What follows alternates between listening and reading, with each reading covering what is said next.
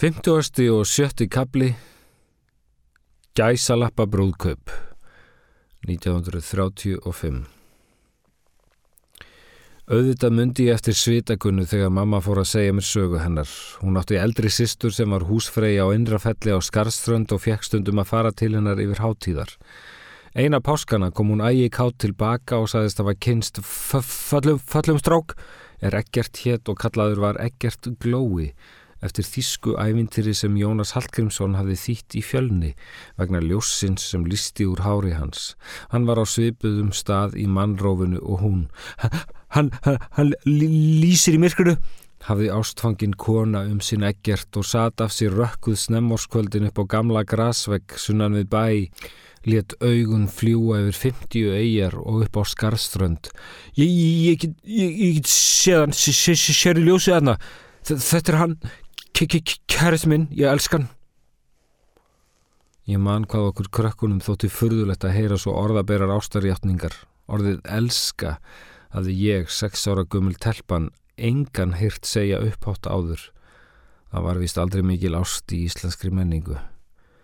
Út í gunnubúð var engu auga læstað kvöldi fyrir en þrjár gunnur hafðu beðið Guð að blessa glóa sinn segði okkur amma sem tók vist træglega undir því hún var ekki til vælsins.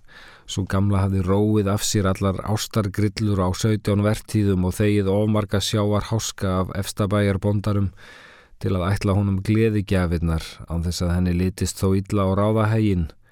Já, það er vonað að þetta blessist hjá henni geskunni. Hún er nú kannski ekki hvern maður sefni hún hittagunna mín en ég er þó búin að segja henni hvað hliftir inn. Amma Vera var sjálfsagt farin að kvíða því að missa miðstöðar manneskjuna úr þeim kalda hjalli sem Gunnubúð var. Naumingum eins og þeim Gunnu og Eggerti var auðvitað ekki leift að giftast á þessum árum en svitakonan fullvisaði okkur þó um að ljóskurinn hefði beðið hennar og hún svara því á sinn hátt. Ég, ég, ég sagði, sagði húra, húra. Nú var því von á brúðkaupi. Eisteinn og Lína eitu því tali ef spurð voru en Gunnagauðið hjælt áfram að hamra sitt heita hamingju járn og satum þau heimahjónin eins og hungraður hundur og kaffærði með spurningum e e e Er þau búin að tala við pressin? Að lokum kom mamma með þá fínu hugmynd að haldi yfir það sem hún kallaði gæsalappa bróðkaup. Innrafells fólkið kemi með ekkert glóa til visslu í söpnægjum og brúðhjónunum yrði left að fara í kveitibröðsköngu út á eigarenda undir eftirliti. Svitagunna glattist svo yfir þessum fréttum að hún fekk vart sofið þessar björtustu nætu lífsins, heldur lág augn stjörf og þuldi nöfn væntarlegra barna hennar og glóa Guðrún, Guðrún, ekki, ekki, ekki stóttir, Eis, Eis, Eistinn, ekki svon, Úlína, ekki stóttir. Flest heimafólkið samgladist þessari miklu hjarta kæti og sá ekki í henni neinar hættur. Aðeins vinnumadurinn landi leiði sér stríðni. Já, nú segja þeirra Glói hafi tekið hættusótt og hún hlaupi niður á honum. Ekki sækir Gunna barni bönapung.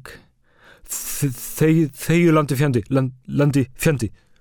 Landráður var undarlegur maður á allan hátt, rauðbyrkin og tógin leitur einnarpeisum maður með afar útstæð augu og langa fingur sem myndu mig alltaf á kræklóttar byrkigreinar. Mamma sagði mér setna að hann hefði mært sig í hlöðu og síðar stráði bátsinn blómum bóðið henni í kvöldsiglingu. Hann kemur aldrei aftur, glemdu honum, mun hann að var hrópað biskur út buktina eftir að mamma hafi afþakkað og átti þar við pappa. Væri amma hins vegar nærri þorði landi ekki að brúka stríðniskjaft en það var hún útfærnust allra þegar það slíku kom. Æ, er nú augun á þér á leið í land, sagði hún þegar augun virtust alltaf springa út úr andlitun á honum sögum reyði. 50. og 7. kapli Sunnudagur í Svefnægjum 1935 Símalínur láðu sig ekki í breyðafjörð fyrir laungu eftir stríð og í þeirra stað var fólkinu gert klift að spjalla saman á útvarpsöldunni. Gallin við þetta fyrirkomulag var sá að samtölinn voru opimber og það jáfnvel enn betur en þau í landsímanum því hér gáttu margir hlustaða á í einu á hverjum bæ.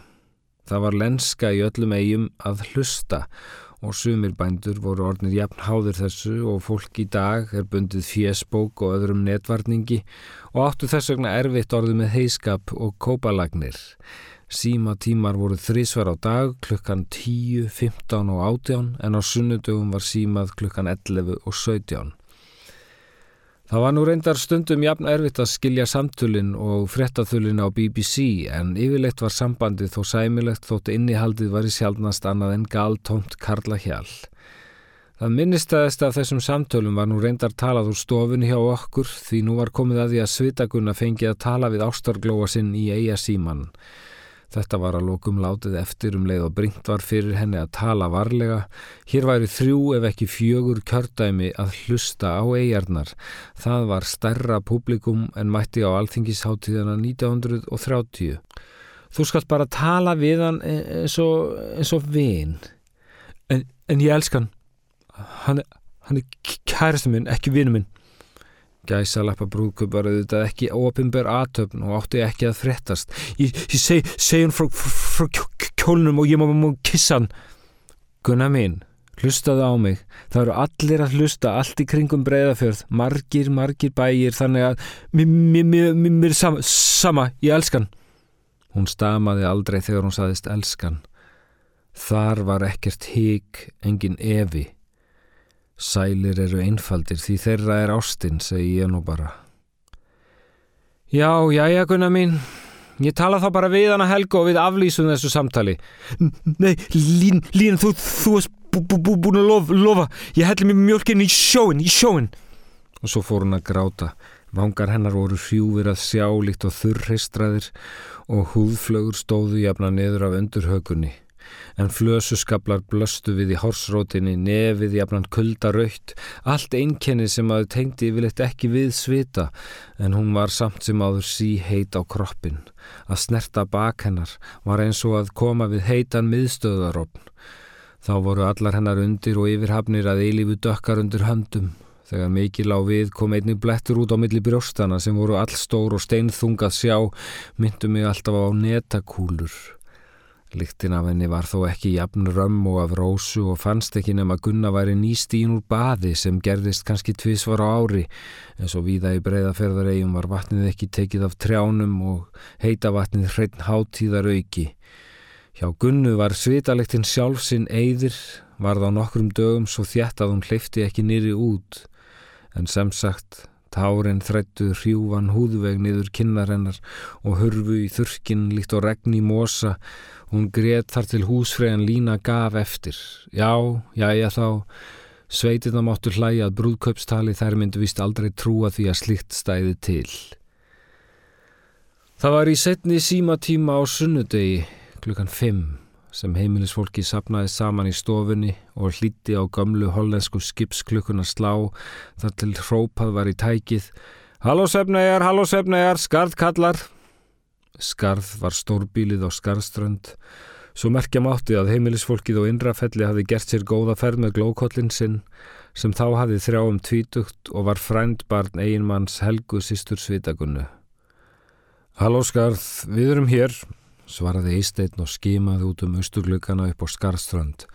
Stofan var stór og glukkar á þremur veggjum. Í hverjum þeirra sá til hafs og á þessu síðdegi var kaldgólu skín á hrjúfum bárum. Flöturinn var einn úrsvalur, gul barinn blámi, kvítrifin á köplum, litur sem fór engar vel við stofugula veggi. Húsfreyjan Lína var grænfingruð kona og í öllum kistum stóð jurt af einhverju tægi. Sólinn gildi þinstu blöðin blómanna í vesturglugunum og sérkvert andlit blómstræði af eftirvæntingu, sextán vindröðar rósir og ein með kvítur skeggi. Við vorum þarna öll, nema amma sem ekki vildi vaða í vellu og bríma. En Eisteinn og Lína voru þarna sigulaug og börnin, en brandur Eyjólfsbarn, mamma ég, Rósa Landi, Gunnurnar, Svenki Rómans og fjólagamla móður Eisteins sem vakkaði í takt við klukkuna í gamlum ruggustól, starði út í sjónleysið og tögði tannleysið. Gunnurnar tvær hafðu fyllt nöfnu sinni utan úr búðulikt og foreldrar til fermingar, sátu nokkuð gestalegar á svörtum síðpilsum næst dyrum við sjóreikin Ringborðs helming og voru stór komiskar að sjá í sinni högu hefjandi þögn. Að baki þeim stóð landráður í dýragættinu með rauðsprunginu augu á landblári peysu og tögði harðfisk, ekki alveg staðverandi frekar en fyrir daginn. Rósa satt á kolli undir austurgluka og þóttist hekla innlegg í skó með sínum þykku naglaskýtsfingrum en var á svipin eins og eirnaspentur slúðurbladamaður sem mundar skriffærin.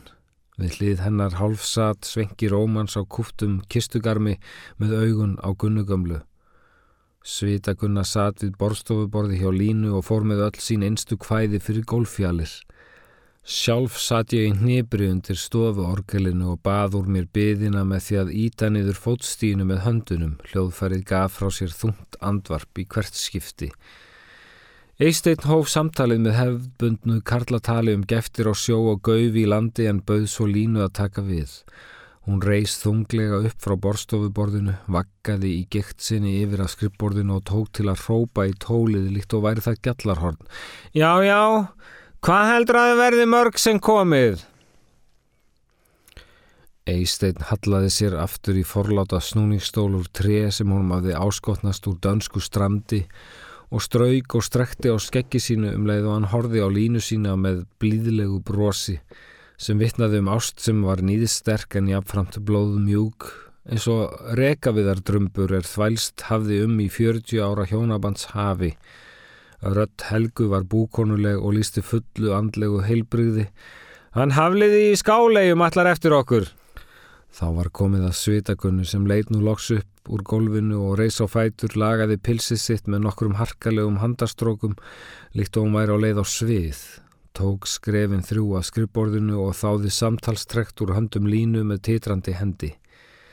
En þegar hún hófað tala var það fyrðanlega fumlaust. Hún virtist ákveðin í því að gera sér enga niðurlægingu úr langþráður samtali við elskugan.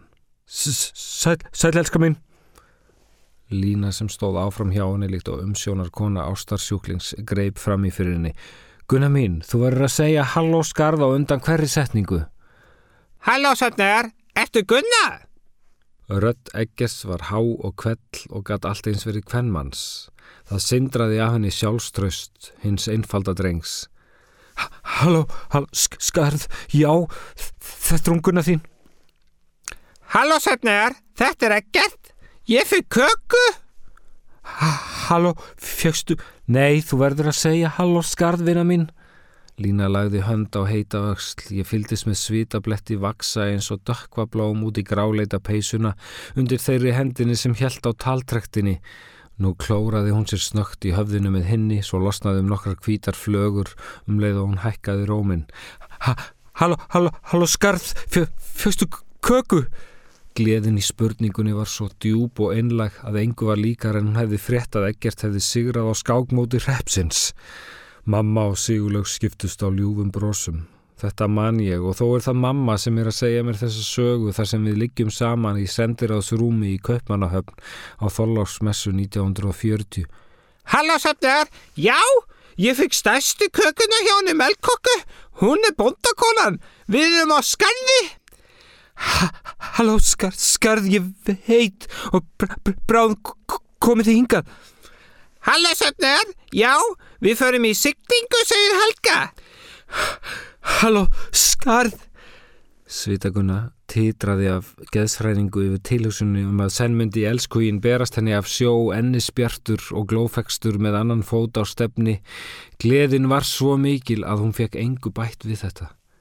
Halló, söfnir, hvað ekkert á móti og fylgdi því eftir með hrínandi hláturi sem erfitt var að vita hvort væri gleði eða grín. Lína strauk stúlkunni um bakið og bjóst til að taka við talkeflinu en svo heita var ekki á því að hverja strax. Ha, halló skarð, hvað er að frétta að þér elska mín? Það var svo mikil saga í þessum orðum elskan mín Svo mikill þungi, svo mikill silfur þeisandi sigur upp úr fyrris árum að heyra mótti kynnt á hverjum bæ um hverju spreyðafjörð. Halló söfnar, það er bara allt í fína. Ég kom með kærustu. Halló skarð, já, ég, veit, ég er kærastan þín. Halló söfnar, nei, ég kom með nýja kærustu, hún heiti Rannveig. Enn var þessi vjelræni sigur vissi glimjandi í rött hans líkt og hún væri klukkubjalla sem gellur hátt í lok hverja stundar og gegnir engum hvort svo var gleði eða sorgar. Rósa hætti samstundis að hekla og stakk nálinn í eirað, hræði upp í mergnum og stakkaði augun. Húðin undir berum upphalleg hennar titraði líkt og hjörtun okkar allra. Ég sá að mamma lokaði augunum og fól saman varir, krosslagði hendur undir brjóstunum. Fjóla gamla gaf frá sér sóhljóð út um gapandi munn, líkt og inn í henni hefði svartur lamprútur gefið upp öndina og börnin snýru höfði, litu spyrjandi augum á fullarna fólkið. Halló söfniðar, halló söfniðar! Hjælt ekkert áfram glóandi hress en heyrðist síðan segja ógreinlega Það heyrðist ekkert! Trektinn tifaði í hendi svitakunnu sem starði fram fyrir sig opinmynd og stjörf en tárin voru enþá sjokkfrist í kirtlum sínum. Það brakaði í danska snúnistólum um leið og Eistinn tegði sig fram, tók af henni tólið og byrsti sig. Halló skarð, hvað ert að segja drengur? Ha, halló söfniðar, ég kom í nýja kæristu. Hún er ekki eins og gunna, hún er falleg. Sigur glatt stoltið í þessari ljósherðu skegglausu barsrödd, ræk 16 nýfa í 16 hjörtu í stofunni og útfjörðarsólinn skein af nýstandi offorsi svo til lárétt innum vestuglugana við vorum öll ein svikin gunna. Halló söfniðar, ég ætla að koma með hann í syklinguna. Eisteitt bondi snýri stólnum á hinvegin, tegði sér í tækið og skrúaði fyrir þennan hrylling. 50. og 8. kapli Á Íslandi er engum hlýtt 1935 Mamma feldi tárum leið og hún helt áfram sögunni Eitt þeirra fyldi orðum hennar og endaði í eiranu á mér, galopnu eiranu, þar sem ég kurði með hitt við brjóst hennar. Ég kymdi í gegnum sorgarsvipin og stakk fingri í eirað hristi úr því hrollin. Mamma var fyrir löngu búin að slökka á BBC og fyrir utan var komið náttljóð í þögnina. Hún helt áfram. Við vissum ekkit hvernig við gáttum hjálpað henni greinu og Hefðum auðvitað átt að passa betur upp á hana nema hvað um kvöldið gekk hún út yfir mýri og fram á barnaklett. Gunnar Svens kom gargandin í bæ og við þurstum út ég og Sigurlaug. Úr frásögn mömmu frangallaðist mynd sem ætíð hefur fyllt mér. Svita Gunnar först í lausu lofti, lárétt og miðju þykk. Líkust sel sem liggur á steini og hefur haus og reyfa á lofti. Rett áður en hún fellur í glófegst brimið. Útförin var engin gæsalappa útför. Helga kom með dætrum sínum tveimur á tilsettum tíma í bátnum hafliða í skálegjum og úrvarð þryggjabáta líkfyllt yfir í flatei. Þar liggur hún blessuninn, Guðrún Lárhalsdóttir Ástkjær 1910 til 1935 undir steini sem ég let gera löngu síðar eftir að ég komst að því hvað dauðan stingur, er þungur og eftir að mamma hafði sagt mér hinsta sannleikan um svitagunnu. Hún dó banshafandi. Þriðji báturinn tók aldrei land þegar kistan var komin upp á eigi og karlarnir lögðu hana frá sér í grasið millir garðs og kirkju. Þreyttir eftir að hafa borið þungan harmin upp í gegnum þorpið mátti sjá landráð skundan orður sundin í átti lands. Þetta var ein ömurleg íslensk útför við sátum tíu tregablóman á fremsta og næst fremsta bekk og hreðja presturinn afgreiti þessa ólánsömu sálað vélrænum kirkjunar síð en eitt líkið á færibandi lífsins sem krossa þurfti við. Mamma grét ótæpilega allan tíman í hljóði og án þess að hafa augun af kistunni. Hún fann sig í þessu andláti, sá fyrir sér lífið með pappa ofan á kistulokinu Ég sá þau dansa þar saman tvo kvítklætta tindáta í fingurstærð framann við kransin sem Lína hafi fléttað úr því sem fengið varð. Fjöru arfi er falleira blóm en nafni gefur til kynna. Allt hefði þetta nú verið miklu mun sorglegra hefðu viðstatir þekkt til alls þess sem Svitagunna tók með sér í gröfina en Sigfinnur gamli í einashúsi sem mætti til hverjar útfarar frá Flatiðarkirkju og orti eftir sér hvert gengin kastaði þó fram vísu í gröfin að reikum loknum. Hún innihjalt vottafskilningi en það veitur ljóðið oft meira en skaldið, jáfnvel þótt frostköld ferskeitla sé. Randstrykaður búðarmiði með klunnalegri blíjanskrift flögraðum í ágústblænum áður en hann lendi á moldugu kistuloki. Á Íslandi er engum hlýtt, í engin hús að venda, eftir lífið skamt og skýtt er skjóli jörð að lenda. Mamma fór með vísuna fyrir mig og slökti svo ljósið. Síðan hjúruðum við okkur saman í stóra sendiherra hjónarúminu, áslaus konan og nýgraður krakkin, tvær selkvítar sálir umvaðar stríðsára myrkri og hlítum á hernám Danmerkurinn um opin gluggan. Það var heldur tíðindalítið tónverk, en sælt að sopna í mömmusvita sem var sveitin mín þessi árin. 50. og 9. kapli Turkish Delight 1940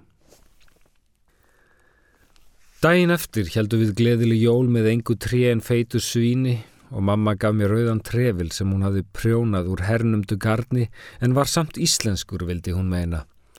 Hann átti eftir að koma sér vel í kuldanum sem beð mín. Ég gaf henni eirnalokka sem Anneli hafði gefið mér tvo safirbláa steina í silfruðu bandi. Eftir matin var bankað og Tyrknesku sendiherra hjónin sem byggu ofar í húsinu færðu okkur lokum sem stundum er kallað Turkish Delight með óskum gleðileg jól. Lokum er örsmá kaka sem inni heldur þó allan sigur heimsins engar viðegandi nafn á eftirrétti Frúin var forkunar falleg en sendi herran dæmigerður ottomaður, stuttur með stórt nef og svo kröftugt yfirskegg að busta hefði mátt með í skó. Mamma breytti stóðar í íslenska sveitakonu og heldi upp á vangan eins og sagt var í einum grænum. Brá fingrum í hárið og dustaði kjólin eins og svitakunna frammi fyrir þessum tignu gestum og rætti síðan við þau á rústaþísku meðan ég mændi upp á karlmannlegt andlit sendiherrans sem ekki var smáfrít en svo laglega gert og já, hreinlega vandað að ég fylltist einhverju galundarlegri laungun til að ráðast á það og hreinlega eidilegja það. Hann líktaði á ókunnum ilmspýra og var allur hinn heimsmannslegast í fasi en ekki þurfti 11 ára telpugarm til að sjá að inn í því fasprúða hilki satt veiðihært villidýr á hljóðum þófum. Búkurinn var bumbu þaninn en belgurinn sá var glerharður að sjá og því á einhvern hátt glæsilegur og vegna þess skinnsáttur hann var þessi tyrkneski sendiherra var hann þráttur í fríðleysið algjörlega ómótstæðilegur jafnvel fyrir Íslandst barn. Þegar ég hafði hesthúsað dílætið af silfurdiski frúarinnar ógs mér svo sigur um hrygg að ég fyltist trítil óðri laungun til að riðjast upp á mannin, upp á þessa bringu, loðnu brekku. En þar sem móðir mín var viðstött let ég næja að ganga að sendi herranum og leggja lófan flatan á hvít skirtaða bumbuna og það var réttild getið, hún var gall hörð. Rústa þískan jafnaðist endalega við jörðu og frúin með bakkan varði eitt undrunar blóm sem sprakk út í vandræðalegum hlátri. Mín hrímkvíta móðir gerðist hausturjóð og tyrkneski tuttin minn breytist í vinalega nazista, hló mildilega undan yfirskeggin og sagði á brokkandi þísku Já, ég bin ganz voll. Nein, wie heißt es? Ich bin sehr satt tók síðan um íslenska barshönd kámuga af kókosklistri og bjargaði stundinni með því að beina aðteglinni að málsverði sínum nýsnætum. Kanski var hér pappaþráin á ferð, kanski þetta konu kissandi kústgraða barnapervertíum sem blundaði í mér, ellegar einfaldur söknuður eftir skeggvexti í okkar kvenlegu svitasambúð. Að minnstakosti fann ég þarna 11 ára gömul fyrst fyrir Karlmanns þráni sem síðar átti eftir að eidilegja lífum mitt. Í hvert sinn sem ég hafði náð að beigja mér inn á beinubrautina vissi ég ekki fyrir til en ég var upp á Karlmann komin og hossaðist þar á hólóttum malarvegi átt að því sem ég held að yrði mín sælu sveit en reyndi svo bara að vera einhver barsmíðabærin við endan á ástarblindri götu. Kallmenn eru keldur á vegi kvenna og gerist ég snemma keldusvín. Ég þurfti ekki tárin til að þrýfa mig og kom því gerðan fórugu fyrir haus að næstu keldu eða forelskuð eins og baunin segir. Þegar tyrknesku hjónin hafðu kvart, horfi mamma undarlega á mig en sagði þó ekkert. Sjálfsagt var hún búin að gleima hennum skringilegu kynlífsórum benskunar, hafði fundið þeim farveg í selaslátrun eða saltað í sálarsinnar pækli og gemt uns komið var í heilan þorra bakka fyrir fyrsta manni mömmu skaldið stein að gæða sér á. Við fórum ekki lengra út í þá jólasálma og ég sopnaði inn hjá mér einn, launfaðmandi kindóruboksið frá Anneli og hugsandi um tyrkneska jólasveinin minn.